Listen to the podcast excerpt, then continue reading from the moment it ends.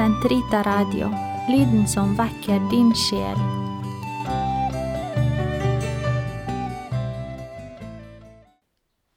Den katolske kirkes katekisme, uke 30, søndag 27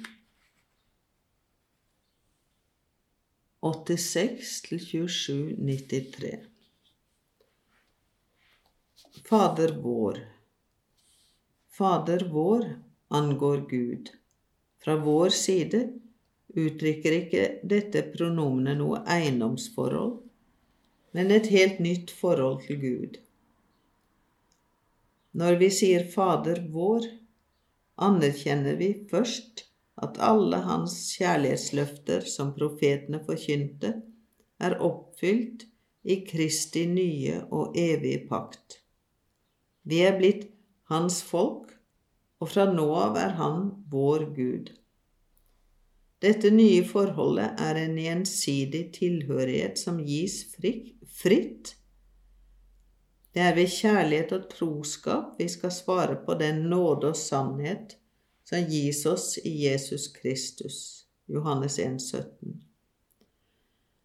Siden Herrens bønn er bønnen til hans folk i de siste tider, uttrykker dette vår også vissheten om det håp vi setter til Guds siste løfte.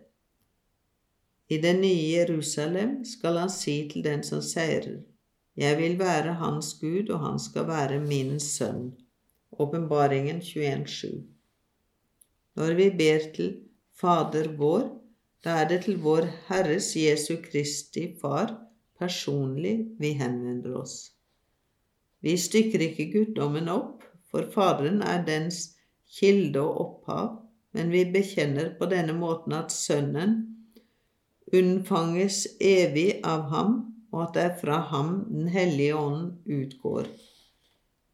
Vi blander heller ikke personene sammen, siden vi bekjenner at vårt samfunn er med Faderen og Hans Sønn Jesus Kristus i deres ene hellige ånd.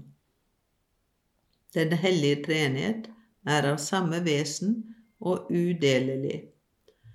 Når vi ber til Faderen, tilber og herliggjør vi ham sammen med Sønnen og Den hellige ånd. Grammatisk betegner vår noe som flere har felles. Det finnes bare én Gud, og han anerkjennes som far av dem som ved troen på hans enbårne sønn er gjenfødt av vann og ånd. Kirken er dette nye fellesskapet mellom Gud og mennesker, forenet med den enbårne sønn som er blitt den førstefødte blant en mengde brødre. Romerne 8,29. Har den samfunn med den ene og samme Far i den ene og samme Hellige Ånd. Ved å be til Fader vår ber den enkelte døpte innenfor dette samfunnet